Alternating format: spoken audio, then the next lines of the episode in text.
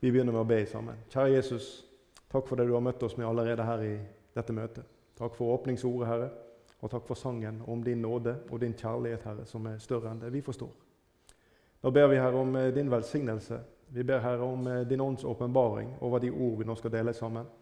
Hjelp oss, du, Herre, til å forstå inn i dybden på dette, Herre. Hjelp oss å gripe kjernen i dette som vi nå skal dele sammen. Amen. Overskriften for eh, bibeltimen i dag rettferdiggjørelse, lov og evangelium. Og Jeg vil ikke høre noen store gjesp, for det høres ut som et tema som kan være tørt og tungt og langt og vanskelig. Men det er det ikke. Det vi skal eh, dele sammen eh, gjennom disse minuttene vi har, eh, det er sånne nøkler Ja, jeg vil kalle det for det. Det er sånne nøkler til sann og kanskje til og med litt fornya kristen glede. Før, før, vi går inn i og ser litt på dette med, med loven og rettferdiggjørelse, som vi skal, vi skal, se på, så har jeg lyst til å ta dere litt med inn i konteksten. Hva, hva er det som skjer på Paulus' tid? Vi snakker om loven, og vi tenker ofte på Det gamle testamentet. I utgangspunktet så er gjerne loven det vi tenker på som de fem Mosebøkene. Og så har vi Skriftene, som er profetene og, og resterende av dette. Men selve loven den omhandler levesettet. Den omhandler pakten som Gud gjorde med Israel. Og Vi møter Paulus, og vi skal begynne der. Første gangen vi møter han, så heter han Saulus. Og Det første gangen vi ser han i Bibelen, det er i apostelgjerningene kapittel 7. Og Der møter vi han i forbindelse med at eh, Stefanus han blir den første martyr.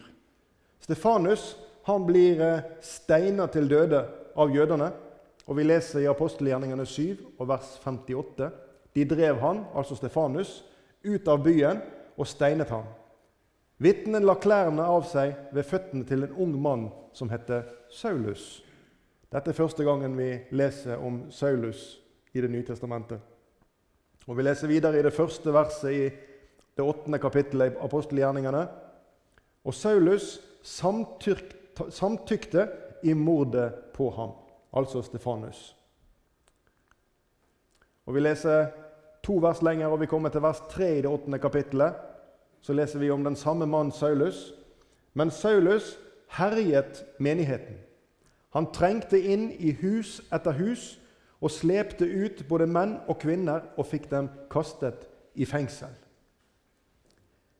Og Så vil jeg utfordre deg litt til å tenke hva er den egentlige bakgrunnen for dette vi leser her? Hva er det egentlig som foregår her? Denne kristendomsforfølgelsen som vi ser her, helt i den spede begynnelse av, av menigheten og dens, dens, utbredelse. Hva er det vi leser her? Vi leser om denne mannen som heter Saulus, som vi senere skal bli kjent med som Paulus. Vi leser at uh, han er til stede når den første martyren lir død. Stefanus lir døden her. Uh, og han tar vare på klærne til de som steiner Stefanus. Og Vi leste videre i Roman 8 at han var enig, han samtykte i at de tok livet av Stefanus. Og så ser vi at livet til Saulus går videre, og han engasjerer seg i nettopp dette å få utrydde menigheten, å få utrydde den kristne tro, og få utrydde dette budskapet som er kommet inn etter Jesu vandring og hans død, og disiplenes utbredelse av budskapet om at Jesus har stått opp igjen ifra de døde. Men vi må se disse tingene litt i sammenheng. Vi må plassere Paulus' gjerning i den konteksten, i den sammenheng som det egentlig hører hjemme. Og For å forstå bedre Saulus' situasjon i det han foretar seg her, så må vi bla tilbake til de skriftene som han forholdt seg til. Og Vi skal lese noen vers fra 5. Mosebok. Vi leser kapittel 17 og vers 2. Dersom det finnes hos deg i en av byene som Herren din Gud gir deg, en mann eller kvinne som gjør det som er ondt i Herren din Guds øyne, så han bryter hans pakt Vi leser videre noen vers. Og han mot mitt bud går bort og dyrker andre guder og tilber dem, eller solen eller månen eller hele himmelens hær. Og dette blir meldt deg, og du får høre om det. Da skal du granske saken nøye. Er det sannhet er det sikkert og visst at denne avskyelige gjerning er gjort i Israel. Da skal du føre den mannen eller den kvinnen som har gjort denne onde gjerningen, ut til byens port. Og enten det er mann eller kvinne, skal du steine dem så de dør. Det er litt viktig å forstå at det Paulus engasjerer seg på, eller Saulus som han fremdeles heter i denne, denne delen av historien, det er en del av hans engasjement som fariseer. Det er en del av hans engasjement i forhold til å forsvare den pakten som vi finner tilbake igjen når vi leser i 3. Mosebok og litt utover. Den pakten som Gud gjorde med Israel. Og så er det kommet en ny lære i kjølvannet av en mann som heter Jesus. Og Dette er på en måte en trussel imot det etablerte. Og Midt oppi dette så står Saulus, og han prøver å kjempe imot dette nye som er kommet inn. De jødiske lederne sin oppfatning, både fariseerne og sadukeerne, det var at Jesus han var en gudsbespotter. Det var jo derfor de fikk han dømt. Det var det de ville ta livet av ham for. Han hadde spotta Gud, mente de. Og De mente også at den læren som disiplene, apostlene og også Paulus på et senere tidspunkt Den læren som fantes om Jesus, om at han hadde stått opp, om denne, denne annerledes pakten, det som bryter med det etablerte ja, dette, det dette så de, disse skriftlærde Eh, på som at disse som for med denne fremmede læren, de prøvde å føre folket vill. Vi vet altså at Paulus han var fariseer. Og Paulus han var opptatt av lovens krav og bud. Han heter fremdeles Saulus, og jeg tar meg sjøl i å bruke navnene om hverandre, men vi vet hvem vi taler om her. Vi leser litt om Saulus, og vi leser i Filippabrevet kapittel 3 vers 5-6. Og Han sier om seg sjøl.: Jeg er omskåret på den åttende dag. Jeg er av Israels ett, av Benjamins stamme, en hebreer født av hebreere, i forhold til loven en fariseer. I nidkjærhet en forfølger av menigheten, i rettferdighet etter loven ulastelig. Dette er slik han beskriver sin situasjon her han er og fungerer som fariseer. Det er ingenting å si på avstamningen her. Han kan ramse opp fra omskjærelsen på den åttende dag hvilken ett, hvilken stamme, at han er født av hebreere, og at han i forhold til loven også har en tilstand. Han er en fariseer, han er en skriftlærd. Og Denne forfølgelsen av menigheten den beskriver han her. At dette er noe som han gjør i nidkjærhet. Og Han sier om seg sjøl at etter loven så er han ulastelig. Denne tilstanden som han finner seg i her, det er slik som Saulus ser det før Gud fikk slått lyset på. Vi skal komme tilbake igjen til det. Men dette er Paulus' oppdrag som han har for seg her. Det gjør han altså i nidkjærhet for loven. I apostelgjerningene 9 og vers 1-2 så leser vi om han at Saulus fnyste ennå av trusler og mord mot Herrens disipler. Han gikk til ypperstepresten og ba ham om å få med brev til Damaskus, til synagogene der, for at han, om han fant noe som hørte veien til, enten det var mann eller kvinne, kunne føre dem i lenker til Jerusalem. Dette var Saulus tanke. Han ville sørge for at ingen falt ut av den pakt, av den lov, av den forståelse av Skriftene som han som fariseer hadde. Som det rådende politiske og styrende presteskapet i Israel hadde. Men så skjer det noe med denne mannen Saulus. Vi leser i apostelgjerningene kapittel 9 vers 3. Da han nå var underveis og nærmet seg Damaskus, strålte plutselig et lys fra himmelen om han. Det skjer en forvandling med Saulus på dette punktet. Det kommer et voldsomt sterkt lys, og Saulus faller ned. Og De andre som var rundt ham, de hørte også lyden, men Herren talte med ham. Hvis du noen gang har lurt på begrepet at han eller hun har sett lyset, så skjønner du nå hvor det har sitt opphav.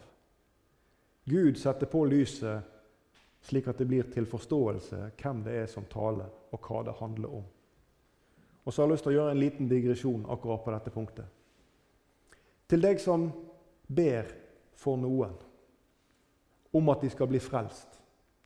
Til deg som ber for noen som du synes etter dine begreper er fryktelig langt borte fra Gud. Til deg som ber for noen som du tenker at det er nesten nytteløst å be, så har jeg lyst til å si til deg at Saulus han ble et mektig redskap i Guds hånd. Mot alle odds i menneskelige øyne. For Gud slo på lyset. Og glem ikke det, du som ber for noen om frelse. At Gud, for Gud er ingen langt borte. Gud når hjertet, og han setter på lyset, slik han gjorde for Saulus. Hold ved med å be, og gi ikke opp. Husk på det under som Gud gjorde med denne mannen. I etterkant av dette møtet så blir han sånn midlertidig blind. og Vi skal ikke gå langt inn i den historien. Men han får et nytt navn. Nå får han navnet Paulus. Og hele dette, dette, denne hendelsen som vi har hørt om som skjedde her på veien til Damaskus, det vitner Paulus sjøl om når han står for kong Agrippa i borgen. Da vitner han om dette. Vi skal lese fra apostelgjerningene, og vi leser kapittel 26 og vers 17-18. Jeg frir deg ut fra ditt folk og fra hedningene som jeg sender deg til. Dette er det Paulus forteller om som Herren talte til ham. Jeg frir deg ut fra ditt folk og fra hedningene som jeg sender deg til, for at du skal åpne deres øyne, så de kan vende seg fra mørke til lys og fra Satans makt til Gud, for at de kan få syndenes forlatelse og arvedel blant dem som er helliget ved troen på meg. Fikk du med deg det vi nå leste her? For nå, nå begynner vi å nærme oss det som er vårt egentlige tema for i kveld. Paulus han fikk dette oppdraget. Han blir sendt ut fra sitt folk og ut fra hedningene. Han blir sendt ut. Han blir den første misjonær, Paulus. Hvis vi ikke regner med Peter, som er å besøke Kornelius' hus. Men han får et direkte misjonsoppdrag ifra Gud, denne mannen, etter at han blir møtt av dette lyset på veien. Og Dette oppdraget det innebærer at han skal åpne disse menneskenes, hedningenes, øyne, så de kan vende seg ifra mørke til lys og ifra Satans makt til Gud. Vet du hva, dette, Bare dette vers 18 kunne vi hatt bibeltime om i kveld. Men det kan vi ikke. Vi kan ikke stoppe så lenge for det.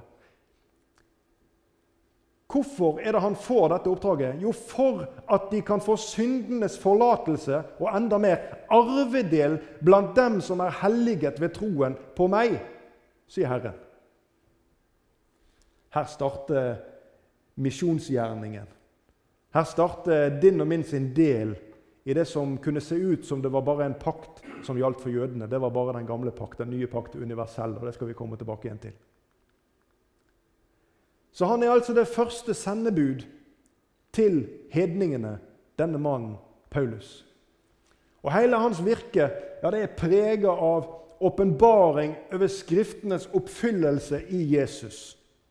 Det vidunderlige vidunderlig. Jeg har Gjennom de siste månedene så har jeg på en måte lest litt sammenhengende gjennom Paulus' brev i Det nye testamentet. Og jeg syns det er altså helt vidunderlig å se den tråden som han trekker som skriftlærd ut ifra Skriftene, og bruke disse eksemplene som bilder, og på en måte gjennom dette få legitimert budskapet om Jesus, om frelse for alle. Det begynner allerede i Romerbrevet i kapittel 1 og vers 1. Vi skal lese versene 1-4 der. Paulus, Jesu Kristi tjener, kalt til apostel, utvalgt til å forkynne Guds evangelium. Det som han forut har gitt løfte om ved sine profeter i hellige skrifter. Om hans sønn, han som etter kjødet er kommet av Davids ett og som etter hellighetsånd er godtgjort å være Guds veldige sønn ved oppstandelsen fra de døde, Jesus Kristus, vår Herre. Dere sitter her stille. Jeg kjenner det, det bobler godt her på innsida på skjorta når jeg leser disse versene her. Paulus, utvalgt, kalt til apostel for å forkynne Guds evangelium. Og så sier Paulus noe som er veldig viktig her. Det som han forut har gitt løfte om ved sine profeter i hellige skrifter. Å, det er så herlig. Paulus han trekker veksel på Skriftene og forteller om at folkens, det som jeg forkynner her, det er ikke noe, er ikke noe nytt. Det som jeg forkynner dere her, det hører sammen med det som Skriftene forteller oss. Og så prøver Paulus å forklare gjennom ulike sammenligninger med det som foregår i den gamle pakt og i den nye pakt, slik at mennesker kan komme til klarhet i disse tingene og få se sin sanne stilling i troen på Jesus. Når vi leser Romerbrevet, så må vi se hele dette brevet i lys av den kunnskapen som Paulus har om Skriften, og den åpenbaringen som han har over Skriftene. Og det er i sannhet slik at når Gud slår på lyset, ja, da kommer sammenhengene til syne. Og sånn er det fremdeles. Når Den hellige ånd kommer og taler med deg når du sitter og leser i Bibelen din, så kan du få oppleve at Bibelen den taler tidsaktuelt. I dag taler Herren. Og det som står skrevet her, som er gjerne skrevet for flere tusen år siden, ja, det er relevant i mitt og ditt liv i dag. Slik er Skriften. Alt som før er skrevet, sier Paulus i Romane kapittel 15 og vers 4. Det skrev oss til lærdom, for at vi kan ha håp og trøst. Slik er det med Bibelen. Derfor er det viktig å se dette i sammenheng. Det er ikke noe nytt det Paulus kommer med her. Han prøver å trekke bevisførsel frem for å vise at dette det har profetene talt om. Når det gjelder romerbrevet, så er det et fantastisk brev. Og jeg vil gjerne oppfordre deg til å lese alle 15 kapitlene. Det første, dette her er det første brevet vi finner i Det nye testamentet. Men hvis vi ser sånn i kronologisk rekkefølge, så er dette det sjette brevet som Paulus skriver. Men i sammenhengen når Skriften er satt sammen, så er altså romerbrevet det første brevet som kommer. Og Det har to hoveddeler, dette brevet. Den første delen av romerbrevet det er en sånn lærende del. Den lærer oss om rettferdiggjørelse. Den lærer oss om helliggjørelse og den lærer oss om Israels stilling. Dette kan du lese om i kapittel 1 og til kapittel 11. Disse tre temaene. Rettferdiggjørelse, helliggjørelse og Israels stilling. Og Den andre og litt mer formanende del av romerbrevet den finner du i de siste kapitlene her. Den kristnes vandring i offer, i kjærlighet og i lydighet, kapittel 12-13. Paulus skriver også om forholdet til de sterke og de svake iblant oss, i kapittel 14. Han skriver om jødekristne og om hedningekristne, og han skriver også om apostelens kall til virke og tjeneste for Jesus i kapittel 15. Så romerbrevet, det folkens, det må leses. Vi rekker ikke å lese hele dette kapittelet her i kveld. Vi skulle ha tatt for oss romerbrevet og hatt flere bibeltimer. Det får kanskje komme litt senere, Willy. Men vi må se litt på den første delen. Vi begynte med en overskrift for denne bibeltimen som handler om rettferdig, rettferdiggjørelse, om lov og evangelium. Da følte jeg meg som født på ny, sa en mann. Da brøt jeg igjennom, sa den samme mannen. Jeg pleier ikke å sitere denne mannen, hvem sa dette? Det ligger noe godt i disse her eh, setningene. her. Da følte jeg meg som født på nytt. Det må jo være en herlig følelse. Det er sånn som den som er nyfrelst, opplever. Den som opplever at hele byrden blir tatt av, og en ser seg løst og fri i Jesus. Da følte jeg som, meg som født på nytt.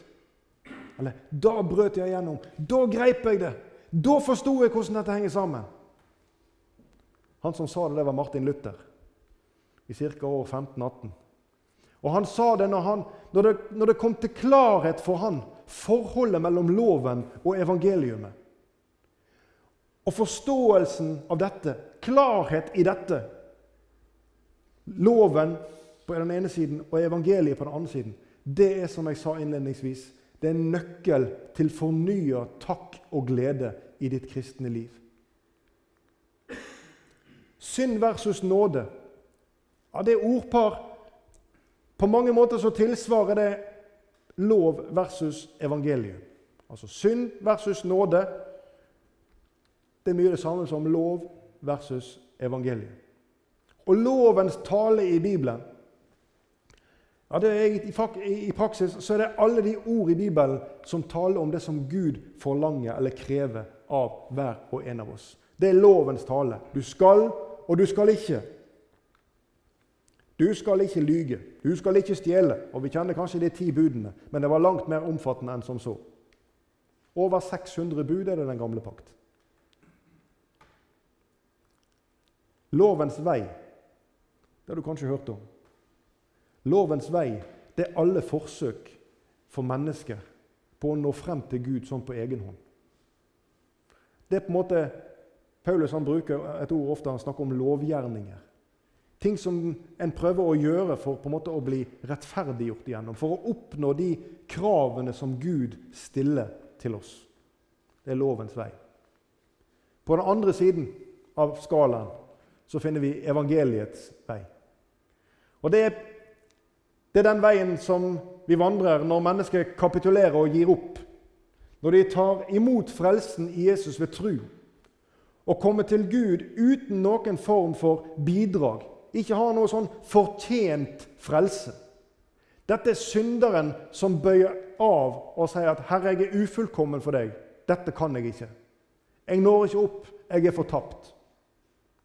Det er evangeliets vei. Da kommer Jesus med nåden og fyller på. Og så slettes det ut alle spor etter synden. Du ren og rettferdig og himmelen verdig. Halleluja skulle det vært lyden av noen nede i benkene her. Romerbrevet sin første del om rettferdiggjørelsen. Det er på en måte en innledning til forståelse av din sanne stilling for Gud, du som tror på Jesus Kristus. Dette folkens, dette er viktig å gripe. Det kan kanskje, høre, kan kanskje høres ut som vanskelige ord når vi snakker om rettferdiggjørelse og helliggjørelse. Men dette er viktige begrepet, og det er viktig å ha dette klart for seg. I dag så stopper vi kun for dette begrepet rettferdiggjørelse. Du, evangeliet, eller evangelium, som vi staver det, det betyr i praksis godt budskap. Og Det gode budskapet her det er jo nettopp dette. At den som kommer til kort i forhold til loven, altså den som ikke klarer å oppfylle lovens krav og bud, den som blir dømt av loven Ja, hver den som synder. For brudd på loven, det blir synd. Ja, hver den som har det slik kan oppnå den rettferdigheten som loven likevel snakker om. Loven den snakker jo om at hvis du oppfyller alle disse krav og bud, ja, da er du rettferdig for Gud og velkommen inn i himmelen. Og Hvis du leser i Romerbrevet kapittel 3 og 23, så står det at alle mennesker synder og fattes Guds ære. Alle. Og Da har vi forstått at i forhold til loven så kan ingen mennesker komme til himmelen. Evangeliet er et godt budskap. Fordi at slik var det for hele menneskeheten. Så dette gode budskap, det er det Paulus snakker om i Romerbrevet kapittel 1, og vi leser om igjen vers 1-2. Paulus, Jesu Kristi tjener, kalt til apostel, utvalgt til å forkynne Guds evangelium. Det som han forut har gitt løfte om ved sine profeter i hellige skrifter. Det er dette Paulus taler om. Det gode budskap ifra Gud til menneskene. Og det er Paulus et varemerke, som jeg sa til dere her litt tidligere. Å stadig vise evangeliets gyldighet og legitimitet ved å basere det på Skriftene. Skrift forklarer Skrift. Sånn var det på Paulus' tid, og slik er det fremdeles. Og nå først, etter alle disse minuttene, så skal vi lese de versene som jeg egentlig hadde tenkt vi skulle dele i kveld. Men nå skal ikke du bli redd. Vi skal bare ha én bibeltime. I Romerbrevet kapittel 6 og vers 6-11. Vi vet at vårt gamle menneske ble korsfestet med ham for at syndelegemet skulle bli tilintetgjort, så vi ikke lenger skal være slaver under synden. For den som er død, er rettferdiggjort fra synden. Men døde vi med Kristus, da tror vi at vi også skal leve med ham. For vi vet at etter at Kristus er reist opp fra de døde, dør han ikke mer. Døden har ikke lenger noen makt over ham. For sin død, den døde han én gang for synden. Men sitt liv, det lever han for Gud. Slik skal også dere regne dere, som døde for synden, men levende for Gud i Kristus Jesus. Vi må begynne med det første av disse versene vi leste. Vers 6 i kapittel 6. Vi leste Vi vet at vårt gamle menneske ble korsfestet med ham, for at syndelegemet skulle bli tilintetgjort, så vi ikke lenger skal være slaver under synden. Det gamle mennesket det ufullkomne. Jeg hadde en gang en gammel bil. Og den hadde jeg Jeg tror det var det tredje settet med framskjermer som ble montert på den bilen. Den var godt gjennomrusta. Og etter hvert så prøvde en å pynte på og reparere på dette, men det var på en måte som en sånn her sykdom på den bilen. Det foregikk bakom den blanke lakken. Og Uansett hvor bra jeg prøvde å holde den bilen utvendig, så ble den spist opp innvendig. Og til slutt så var den så rusten at den ble kondemnert. Og det er et godt engelsk begrep som da blir brukt om det gamle mennesket i Bibelen. Kondemnert. Ikke noe mer å gjøre noe med. Kaste på dyngen. Det gamle mennesket. Det ble korsfestet med ham. Hvorfor? Hvorfor leser vi dette? Jo, det står skrevet slik fordi at syndelegemet, altså alt det som er i oss, som ikke går an til å gjøre noe med, som ikke går an til å reparere og bøte på Gud måtte gjøre noe nytt. Derfor skulle syndelegemet bli tilintetgjort, for at ikke vi skulle være slaver under synden. Hør. Vi leser i Kolosserbrevet, kapittel 2, vers 14. Så leser vi om dette skyldbrevet som gikk imot oss. For vi var enige om at fra Bibelen så lærer vi at alle har syndet og fattes Guds ære. Alle har brutt lovens krav og bud. Ingen er rettferdig for Gud. Og skyldbrevet ja, Den skrev en sang om det, men det blir lengre dag for dag. Nå leser vi i Kolosserbrevet kapittel 2, vers 14 om Jesus. Han utslettet skyldbrevet mot oss. Det som var skrevet med bud. Det som gikk oss imot. Det tok han bort da han naglet det til korset. Å, halleluja! Min regning ble betalt på denne dag. Han nagler det til korset. I Hebreabrevet kapittel 9 av vers 15 så leser vi om Jesus. Derfor er han mellommann for en ny pakt. For at de som er kalt, skal få skal få den evige arven som var lovt etter at det har funnet sted en død til forløsning fra overtredelsene under den første pakt. Og Nå er vi langt inn i Paulus sin forståelse av Skriften. Her, her skriver Paulus i Hebreerbrevet her skriver han mye om den gamle pakt versus den nye, nye pakt. Han skriver om eh, offerskikken og han skriver om Jesu offer. Han trekker noen flotte paralleller mellom Tredje Mosebok og Hebreerbrevet. Altså, Jesus er en mellommann for en ny pakt. Og Den nye pakten vi snakker om her, det er den pakten som Gud ga til Abraham før den gamle pakten ble til ved Sinai. Nemlig en universell pakt. En pakt som skal gjelde hele verden, ikke bare Israel. Om at alle folkeslag skal velsignes gjennom deg, Abraham. En ny pakt. Og Denne pakten den er fundamentert på bedre løfter, skriver Paulus. Det har funnet sted en død til forløsning. Likesom i den gamle pakt så måtte det ofres, nær sagt etterskuddsvis, etter hvert som synden ble begått. Så har Jesus kommet, men han har gjort noe mer. Han har ofra for synden som er begått, men han har også ofra for den synd som skal begås. Det har funnet sted en forløsning ifra overtredelsene under den første pakt. Du offeret Jesus, han, Paulus han viser til at dette Jesu offer det har på en måte et sånn universelt gyldighetsområde. Jesu offer det dekker all synd, og Paulus han sier det på denne måten i Hebrevet 10,18. Men der det er forlatelse for syndene, trengs ikke lenger noe offer for synd. Og Så kan vi sette inn navnet på en hvilken som helst synd i dette verset. Så er det ikke lenger behov for noe offer, for der finnes nemlig forlatelse for syndene. Halleluja. Tenk, sånn gjorde Jesus det. Så fullkomment godt. Og som jeg nevnte, Hebreerbrevet sin posisjon i forhold til tredje Mosebok det er virkelig verdt et studie. Når du leser i tredje Mosebok om offerlovene og om hellighetslovene, og så leser du om hvordan dette oppfylles i Jesus, så er det virkelig fantastisk dyrebart å ta med seg. Vi leser videre i Hebreerbrevet kapittel 9, og vi leser vers 11-12. Men da Kristus kom som ypperste prest for de goder som skulle komme, gikk han gjennom det teltet som er større og mer fullkomment, som ikke er gjort med hender, dvs. Si, som ikke er av denne skapning. Og Så kommer det et vers som du har hørt mange ganger, i hvert fall du som går her i arken.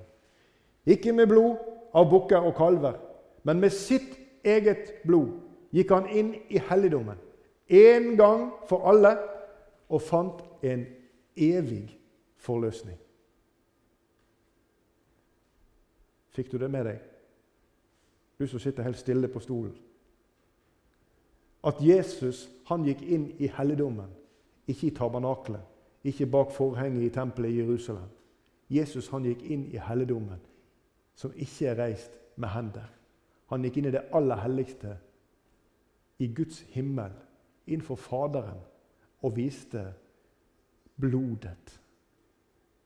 Ikke av bukker og kalver, men med sitt lyteløse, uskyldige blod for din og min synd. Halleluja. I Romerbrevet kapittel 1 vers 16-17 så står det om dette gode budskap som vi er innom og leser om her nå. Paulus skriver, 'For jeg skammer meg ikke ved evangeliet.' For det er en Guds kraft til frelse. For hver den som tror, både for jøde først, og så for greker. For i det åpenbares Guds rettferdighet av tro til tro. Som det står skrevet, den rettferdige av tro skal leve. Og Vi tar med oss ett vers om det samme temaet i andre kor, 5, 17. Derfor, om noen er i Kristus, da er han en ny skapning. Det gamle er forbi. Se, alt er blitt nytt. Den gamle bilen min den gikk på dyngen. Det måtte noe annet til.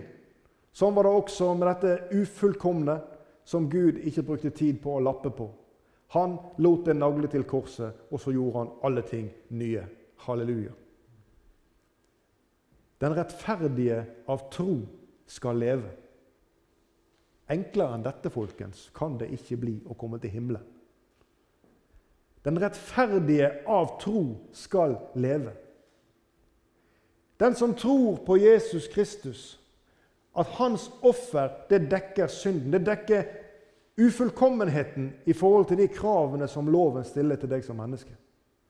Den som tror på Jesu offer for dette, er frelst.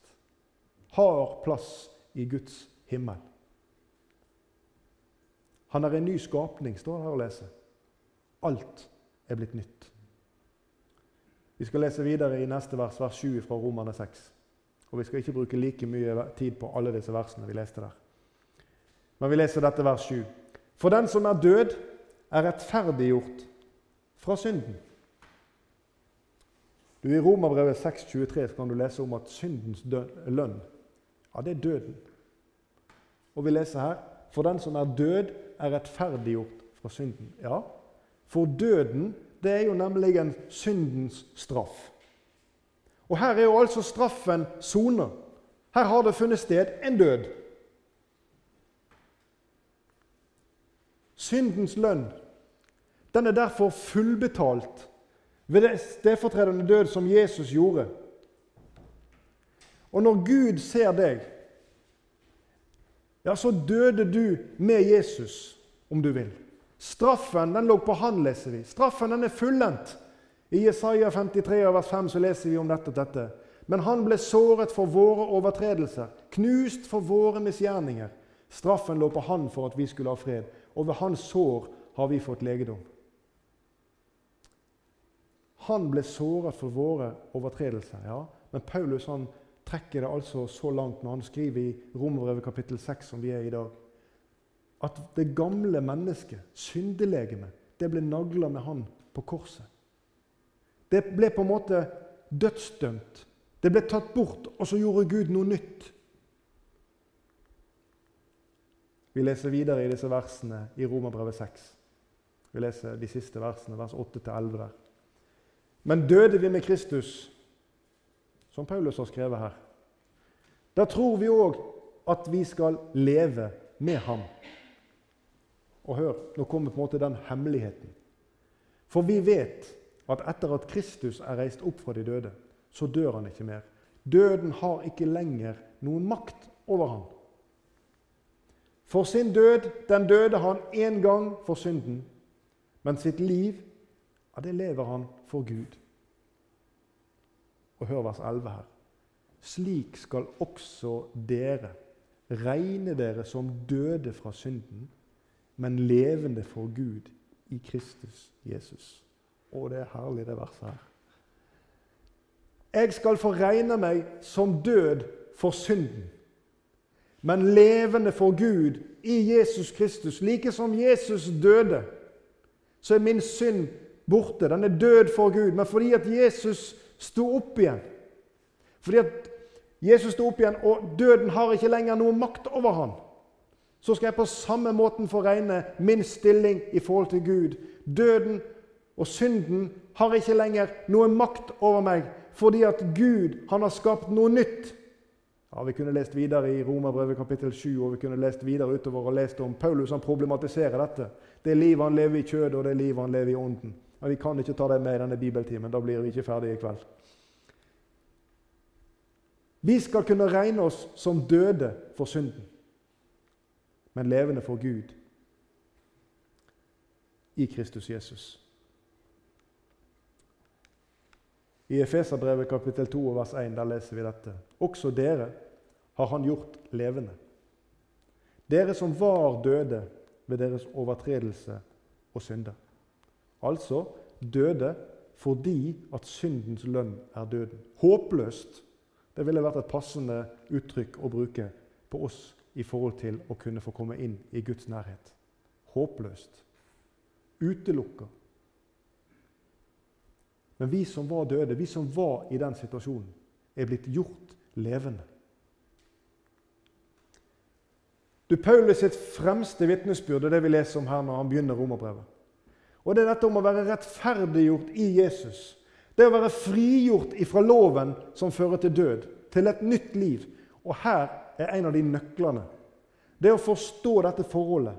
Det å forstå rettferdiggjørelsen, din rettferdiggjørelse i lys av loven og evangeliet. Du skjønner,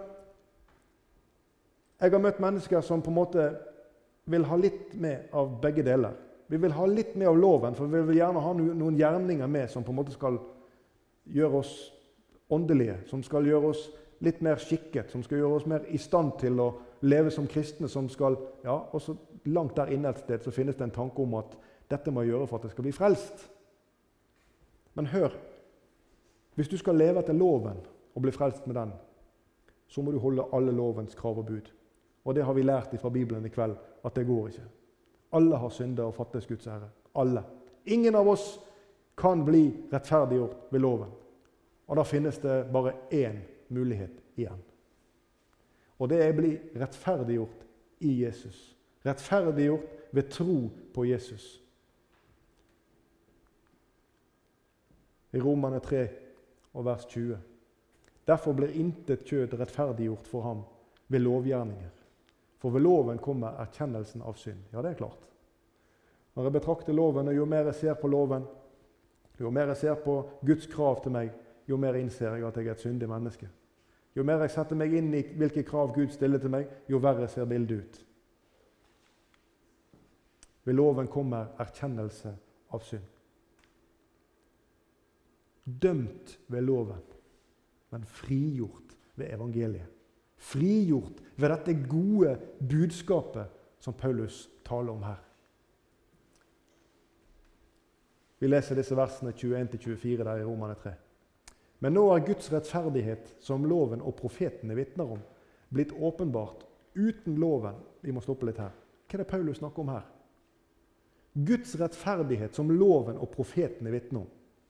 Ja, Den er nå blitt åpenbart, men, men uten loven, altså. Så den rettferdighet som loven kan gi, den er oppnåelig, men uten loven. Det er det Paulus sier her. Spennende. Han skriver dette videre fra vers 22. Det er Guds rettferdighet ved tro på Jesus Kristus. Til alle og over alle som tror.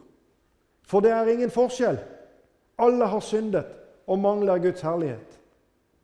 Og de, ja det er de samme som alle, blir rettferdiggjort for intet av Hans nåde ved forløsningen i Kristus Jesus. Ja, så er det altså Jesu verk. Og i troen på Jesu verk så er det altså at jeg er funnet rettferdig i Guds øyne. Rettferdiggjort ved troen på Jesus. Du, Din stilling i trua på Jesus I Romerne 5,1 så skriver Paulus til deg som tror. Da vi nå er rettferdiggjort av tro, har vi fred ved vår Herre Jesus Kristus. Og i Kolosserbrevet kapittel 1 vers 21-23. Også dere som før var fremmede og fiender av sinnelag, i deres onde gjerninger, har Gud nå forlikt med seg selv. Smak litt på den setningen. Ved hans kjøds legeme ved døden, for å stille dere fram hellige, ulastelige og ustraffelige for sitt åsyn. Et av de kanskje mest kjente skriftstedene i Bibelen det må jo være det verset vi kaller for Den lille Bibelen. Johannes 3, 16. For så har Gud elsket verden, at han gav sin sønn den enbårne, for at hver den som tror på ham, ikke skal fortapes, men ha evig liv. For så har Gud elsket. Og det var Gud som tok initiativet. Vi spiste av treet. Vi begynte å slåss med hverandre. Vi prøvde å ødelegge alt for han når han kom til denne jord. Han kom til sine egne, står det, og hans egne tok ikke imot ham. Han gjorde under. Han ble forfulgt. Han ba for de menneskene som korsfester ham. Og Så står det å lese at Gud viser sin nåde til oss ved at Kristus døde for oss mens vi ennå var syndere. Tenk det. For en kjærlighet. Og så står det en betingelse her om å få lov til å være i denne tilstanden hellige og ulastelige og ustraffelige. Jo, om dere bare blir ved i troen, grunnfestet og faste, og ikke la dere rokke fra det håp som evangeliet gir. Du, om noen kommer og forkynner for deg at du må, du må bidra, du må gjøre det ene eller du må gjøre det andre, ja, det kan være nyttig og greit på mange måter, men ikke i forhold til frelsen. I forhold til frelsen skal du ikke la deg rokke ifra den grunn som jeg har forkynt deg her i kveld. Den grunn som du har for frelse, det er troen i Jesus Kristus. Og bare den alene.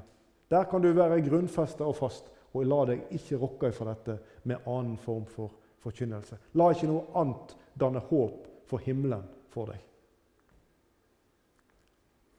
Vi skal oppsummere og avslutte.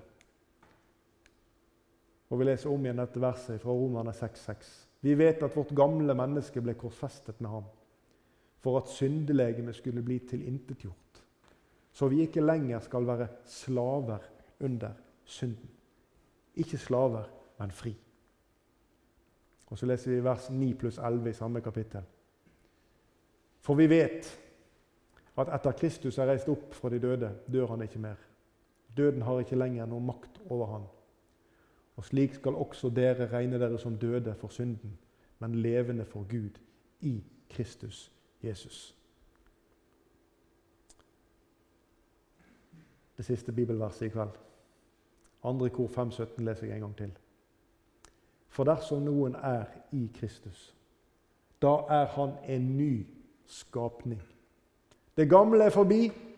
Se, alt er blitt nytt. Vi siterer denne sangen helt til slutt.